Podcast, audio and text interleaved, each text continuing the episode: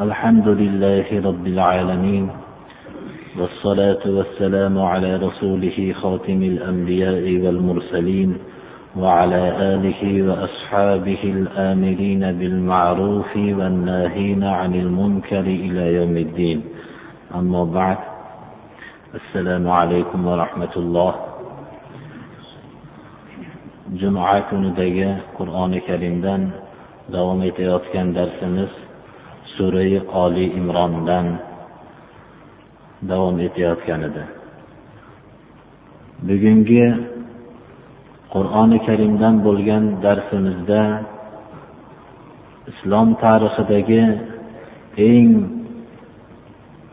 qattiq jang bo'lgan uhud jangi hisoblanadi.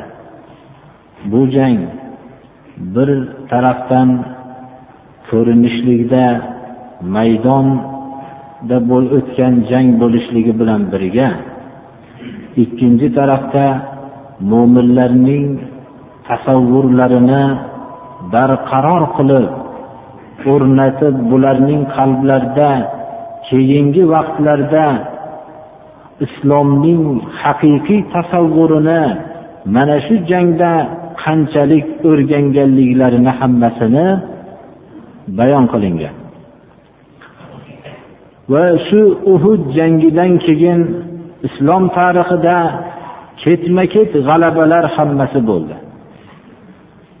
Uhud jangidan ilgari hammamizga ma'lumki badr jangi bo'lib o'tgan edi. Badr jangida musulmonlar mo'jiza bir bo'yini topishgan edilar.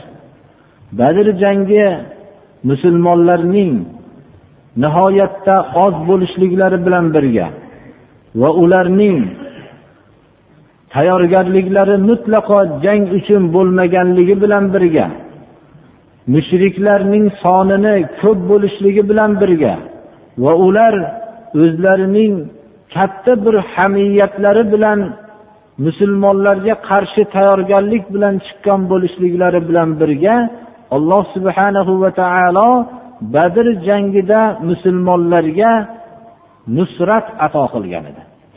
Bu nusratni hammalari olloh tarafidan bo'lganligini nihoyatda aniq bir mo'jizaviy bir g'alabani ko'rishgan edilar. Bu badr g'azotida mushriklarning eng e'tiborlilari bo'lgan rasululloh sollallohu alayhi vasallamga va islomga qarshi bo'lishlikka butun kuch molini sarf qilgan eng mushriklarning kattalari badrda halok bo'lishgan edi.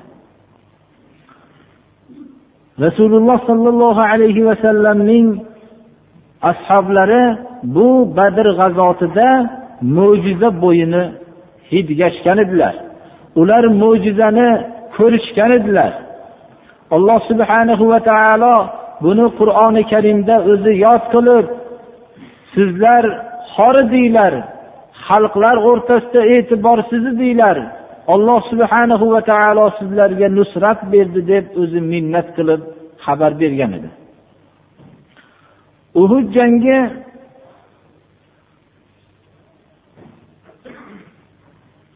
haqidagi bir qisqacha ma'lumotga ega bo'lishligimiz bugungi darsni tushunishlikka bizga yordam beradi. Rasululloh sollallohu alayhi vasallam badrda g'alaba qilganlaridan keyin quraysh xalqining peshvosi bo'lgan abu sufyon bularga qarshi butun musulmonlarga qarshi quraysh va boshqa qabilalarning hammasini islomning tub ildizi bilan yo'qotib tashlashlik uchun hamma xalqlarni jamlagan edi. Va bularning targ'ib qilar edi abu sufyon quraysh va ularning ittifoqdoshlaridan boshqa qabilalardan uch mingga yaqin bo'lgan kishilarni jamlagan edi. Va hijratning uchinchi yilining shavvol oyida musulmonlarga qarshi o'zi jang e'lon qilgan edi. Va chekinmasliklari uchun mushriklarning ayollarini ham olib olishgan ediki agar biz chekinsak bu ayollar ham halok bo'ladi. Degan niyat bilan mayda bolalarni ham jangga olib chiqishga buyruq qilgan edi. Va madina tarafiga uhud tog'ining yaqinroq bir manziliga o'zining lashkarlarni olib kelgan edi. Rasululloh sollallohu alayhi vasallam ashoblarni to'pladilar madina munavvarada va ular bilan maslahat qildilarki madinada biz turaylikmi yoyinki madinadan tashqariga bu mushriklar jamlangan o'ringa chiqaylikmi degan haqda ashoblarga maslahat soldilar. Rasululloh sollallohu alayhi vasallamning o'zlarining ra'ylari ham madina munavvarada turish edi agar mushriklar madinaga hujum qilishsalar jang qilib bo'lmasam shu yerdan madinadan chiqmasdan turishlik edi yoshi ulug' bo'lgan sahobalar hammalari bular rasululloh sollallohu alayhi vasallamning ra'ylarini bildirishdilar. Ya'ni madinada turishlikka maslahat berishdilar. Yoshlar ashoblarning yoshlari bo'lsa madinadan tashqariga chiqishlikka maslahat berdilar ular yoshlar albatta doim ham shunday jur'atli bo'lganligidan va yana ashoblar biz o'lsak jannatga kiramiz degan ruh bilan rasululloh sollallohu alayhi vasallamga shu maslahatni yoshlar berdilar.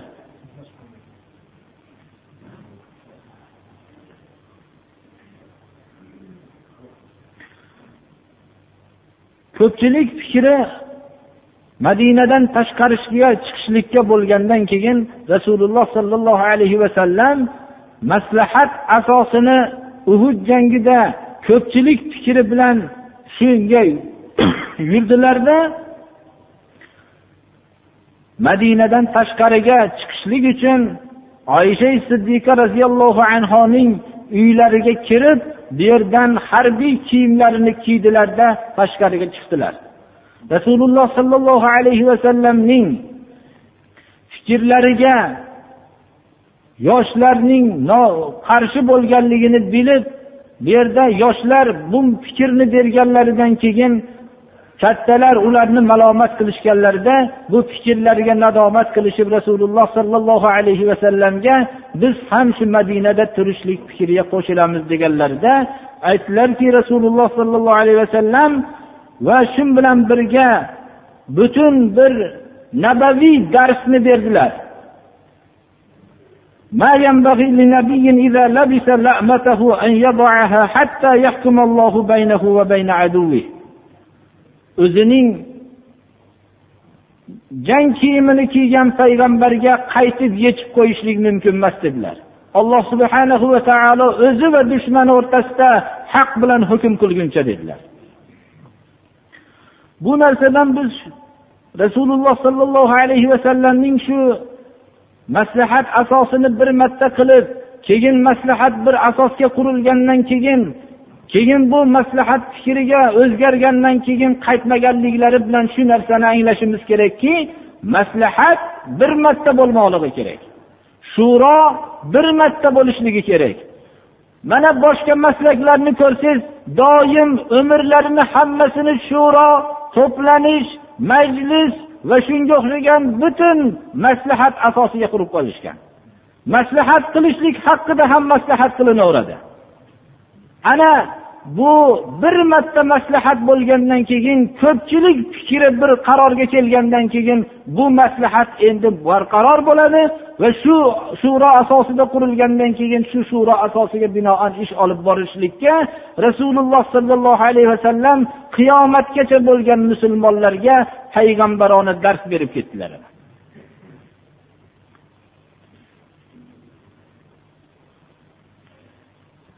Ana endi qur'oni karimning ba'zi oyatlarida borki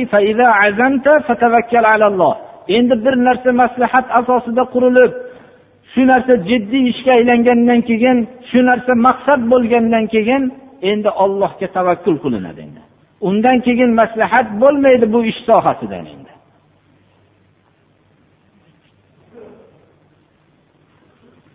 bu narsaning biz hikmatini nihoyat darajada yaxshi anglashimiz kerakki agar maslahat bir marta bo'lishligini shu yerda barqaror qilmaganlarida balki butun islomdagi maslahatlar ham shunday butun umrbod maslahat bilan o'tib ketadigan bo'lishligi mumkin bo'lib qolardi birodarlar hatto o'zlarining fikrlariga qarshi bo'lgan narsaga qurilgandan keyin shu narsani rasululloh sollallohu alayhi vasallam tushlarida hatto ma'rakaning oqibatini ko'rdilar ham. Ko'rganlaridan keyin ham maslahat asosiga qurdilar va shu bilan shu maslahat asosidan qaytmasdan ish bajardilar ana. Rasululloh sollallohu alayhi vasallamning shu o'rinda oysha siddiqa roziyallohu anhoning uyidan o'zlarining jang liboslarini kiyib chiqayotgan holatni qur'oni karim tasvirlab وإذ غدوت من أهلك تبوئ المؤمنين مقاعد للقتال والله سميع عليم o'zlari jang liboslarini kiyib chiqayotgan vaqtlarida tabiiyki hamma mo'minlarni o'zlarining o'rinlariga joyladilar Payg'ambarimiz sollallohu alayhi vasallam ashoblarning hamma holatlarini hisobga oldilar. Va bu yerdagi qatnashgan kishilarning hammasini soni vallohu alam taxminan yetti yuz kishi edi. ellikta otliq va merganlarning soni ham ellikta edi. Ularning tog'ining tepasiga turgizib bizlarning g'olib yo mag'lub bo'lganligimizni ko'rsanglar hatto qushlar bizlarni talayotganligini ko'rsanglar hamma o'rindan jilmanglar deb maslahat berdilar. Mana bu holatlarni hammasini tartiblaganliklarini qur'oni karim bayon qilib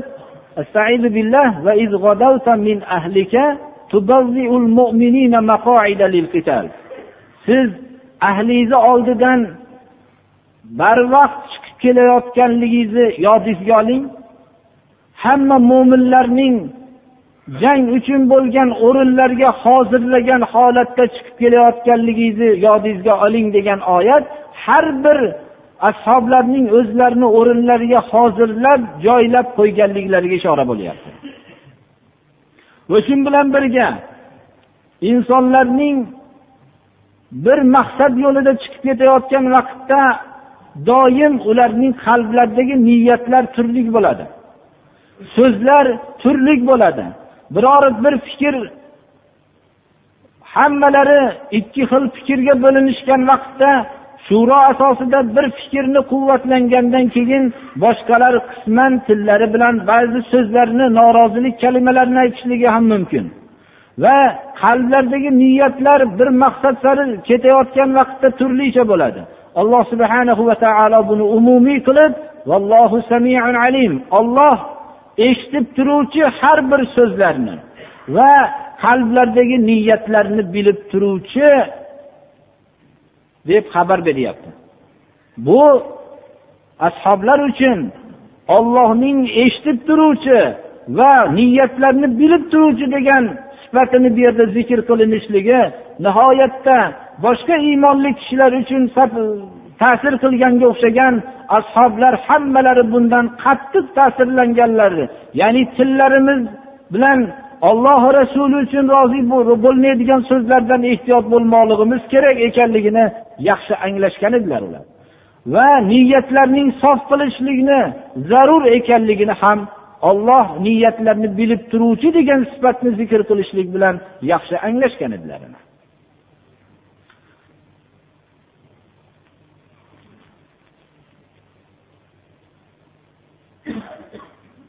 Bu uhud jangini ma'lumotlari haqida bu yerdagi holatlarni ifodalovchi ba'zi voqealarni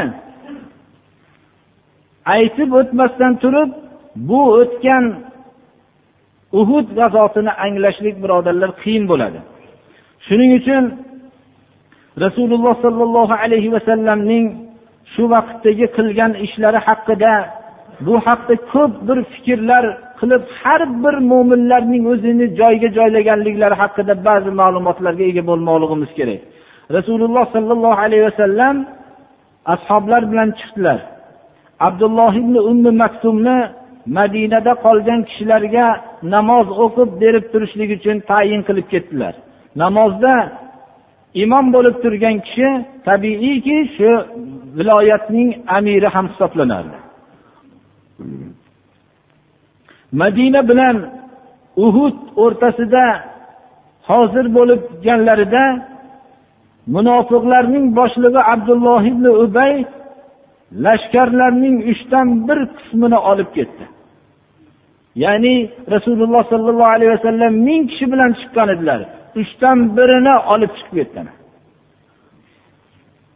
Bu sababi shu ediki uning ra'yi ham madinada turishligida. Meni ra'yimga xilof ish qildi. Yoshlarga qo'shilib ketdi degan fikr bilan shu yerda madinadan uch yuz kishi bilan abdulloh ibn ubay munofiq bu yerda qaytib ketdi. Rasululloh sollallohu alayhi vasallam bu bilan hech qanday u kishini atroflarida yig'ilgan iymoni mustahkam bo'lgan kishilar o'zgarishib qolmadilar ana payg'ambarimiz sollallohu alayhi vasallam bu hodisada juda bir ko'p voqealarni ashoblar bilan og'ir bir holatlarni boshlaridan kechirdilar.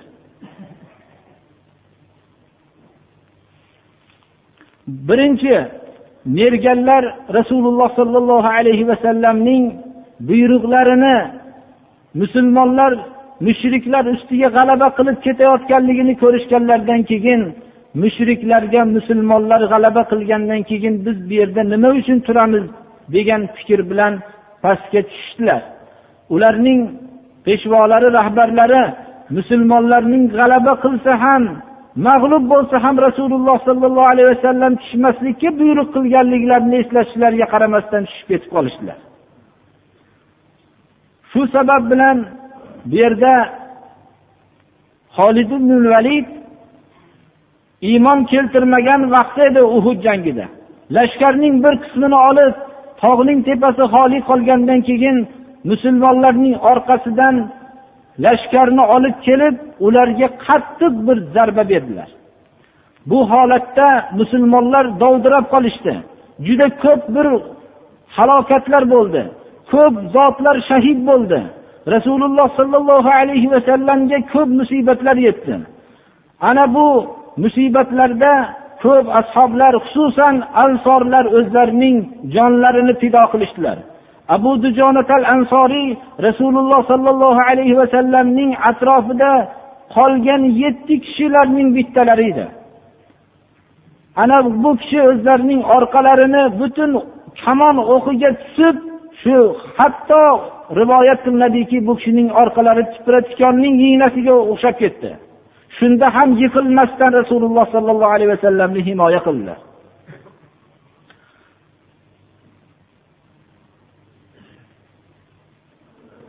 Payg'ambarimiz sollallohu alayhi vasallam kamon bilan u kishiga o'q otilgan edi. Bu kishining kamon ta'siri ostida boshlariga kiygan kiyimlarining halqasi tishlarining ichiga kirib ketgan edi. Abu ubayda roziyallohu anhu shu kamonning o'qi ya'ni shu o'qini og'izlari bilan oldilar. Va shuni sekin asta tillari bilan yalab oldilarki biror bir zarar yetib qolmasligi uchun. Rasululloh sollallohu alayhi vasallamga ozor bo'lmasligi uchun abu ubaydaning avvalgi tishlari tushib ketdi shu sabab bilan.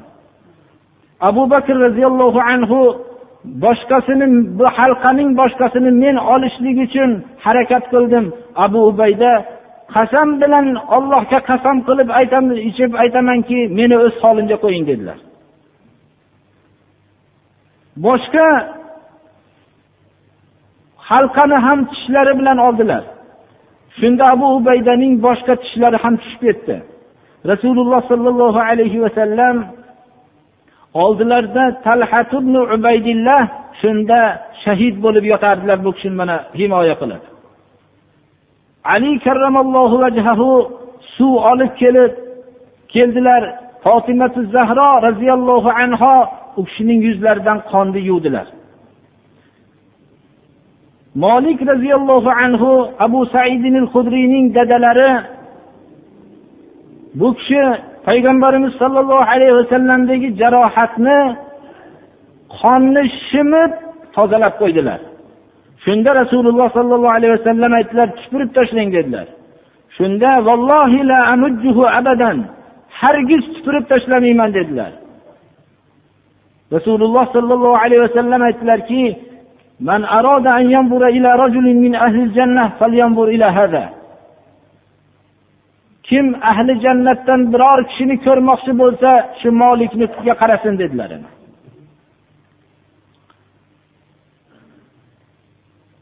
Rasululloh sollallohu alayhi vasallamdan qonning ko'p ketishligi natijasida xalqlarning bir jamlashlik uchun o'rinlaridan turib chaqirmoqchi bo'ldilar lekin u kishi qonning ko'p ketganligi natijasida o'rinlaridan turib turolmadilar.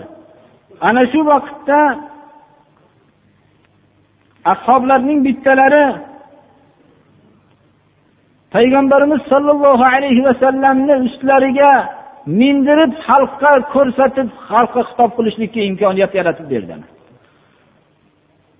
hamvalatul ansoriy rasululloh sollallohu alayhi vasallamning jangga e'lon qilgan garchisiga labbay deb turmush qilgan kunlari shoshilib tahir bo'lmasin deb chiqib ketgan edilar.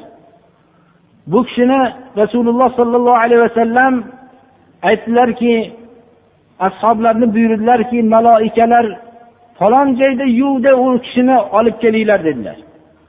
Hanzolatul ansoriyni ashoblar olib kelishdilar va shu payg'ambarimiz sollallohu alayhi vasallam aytdilarki ollohni buyrug'iga jihodga bo'lgan e'lonning tahir qilib qo'ymaslik uchun junub holatda chiqqanida ashoblarga e'lon qildilarki maloikalar tarafidan alloh subhanahu va taolo bu kishini yuvdirib qo'ydi dedilar.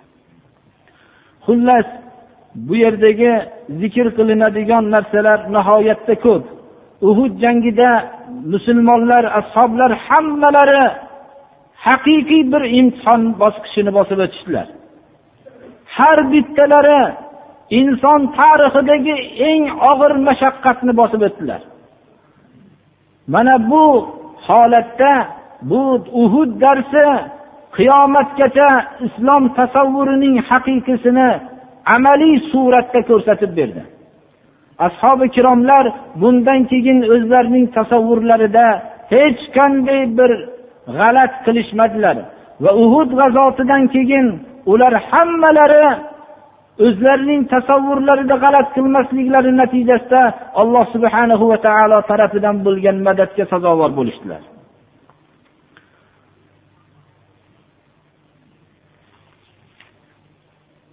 Ana shu abdulloh ibn ubay xalqlarni jangdan qoldirishlikka targ'ib qilib uch yuz kishini olib ketgan vaqtda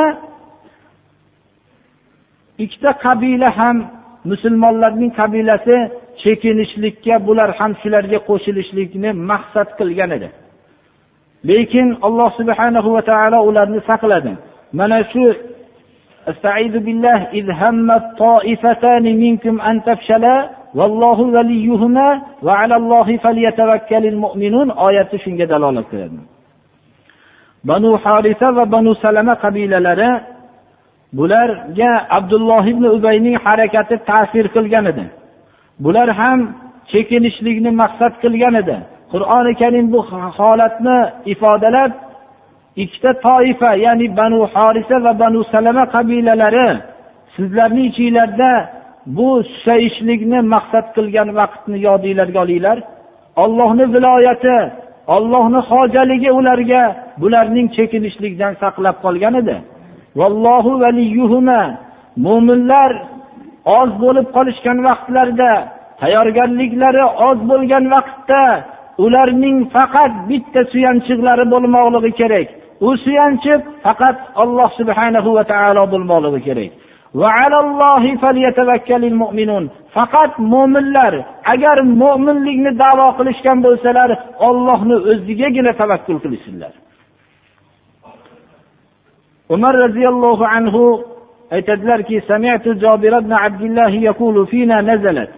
Jobir ibn abdullohdan eshitdimki bizni haqqimizda shu oyat nozil bo'ldi. Ya'ni استعيذ بالله إذ همت طائفتان منكم أن تفشلا والله وليهما وعلى الله فليتوكل المؤمنون biz shu ikkita toifa edik banu horisa banu salama qabilalari edik deydilar lekin bizni haqqimizda susayishlikni chekinishlikni maqsad qilgan vaqtinglarni yodinglarga olinglar degan gapdan hijolat bo'lmaymiz chunki alloh subhanahu va taolo vallohu valiyuhuma olloh ularning hojasi deyapti. Bizga olloh hojalik qilib shunday chekinishlikdan o'zi saqladi. Mana shu vallohu valiyuhuma bizlarning olloh valiyimiz ya'ni hojamiz bo'lishligiga rozimiz deb biz shu oyatning biz haqqimizda nozil bo'lganligidan hijolat bo'lmaymiz dedilar. Qur'oni karim bu yerdagi uhud g'azotida bo'lib o'tgan voqealarning hammasini ichki kechinmalarning hammasini bayon qiladi. Va ollohni o'zigagina tavakkul qilishlikka buyuriydi. Mo'minlar agar iymonni davo qilishsalar faqat ollohga tavakkul qilishsinlar. Ular ollohga tavakkul qilishlik bilan ilgari ham g'alabaga erishganlar. Ular faqat ollohni o'ziga suyanishlik bilan g'alabaga erishganlar. Mana tarixdagi yaqin tarixda bo'lgan voqeani yodinglarga olinglar. Alloh subhanahu va taolo sizlarga nusrat berdi badrda.